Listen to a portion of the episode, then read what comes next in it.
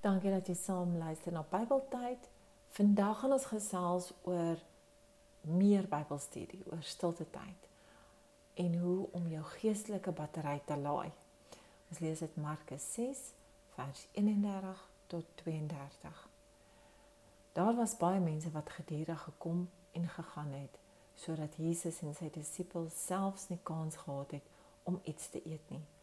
Hy sê te vir hulle: kom julle alleen saam na 'n stil plek toe en rus 'n bietjie.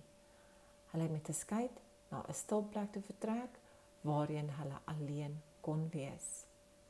In Matteus 11 vers 28 tot 30 lees ons kom na my toe almal wat uitgeput en oorlaai is en ek sal julle rus gee.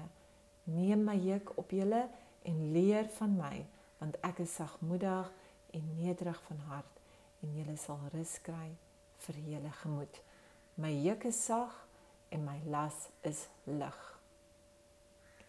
In Markus um lees ons dat Jesus sy disippels saam met hom geneem het om te rus. Jesus weet dat dit die beste manier is vir ons om weer krag te kry, om weer gevul te word geestelik. Kry rus vir jou gemoed vandag en herlaai jou geestelike battery deur tyd met God te spandeer. Ons fisiese liggaam het ook mos rus nodig. Maar ons het nodig om elke dag een te word met die Here. Teenwoordig te wees in sy woord.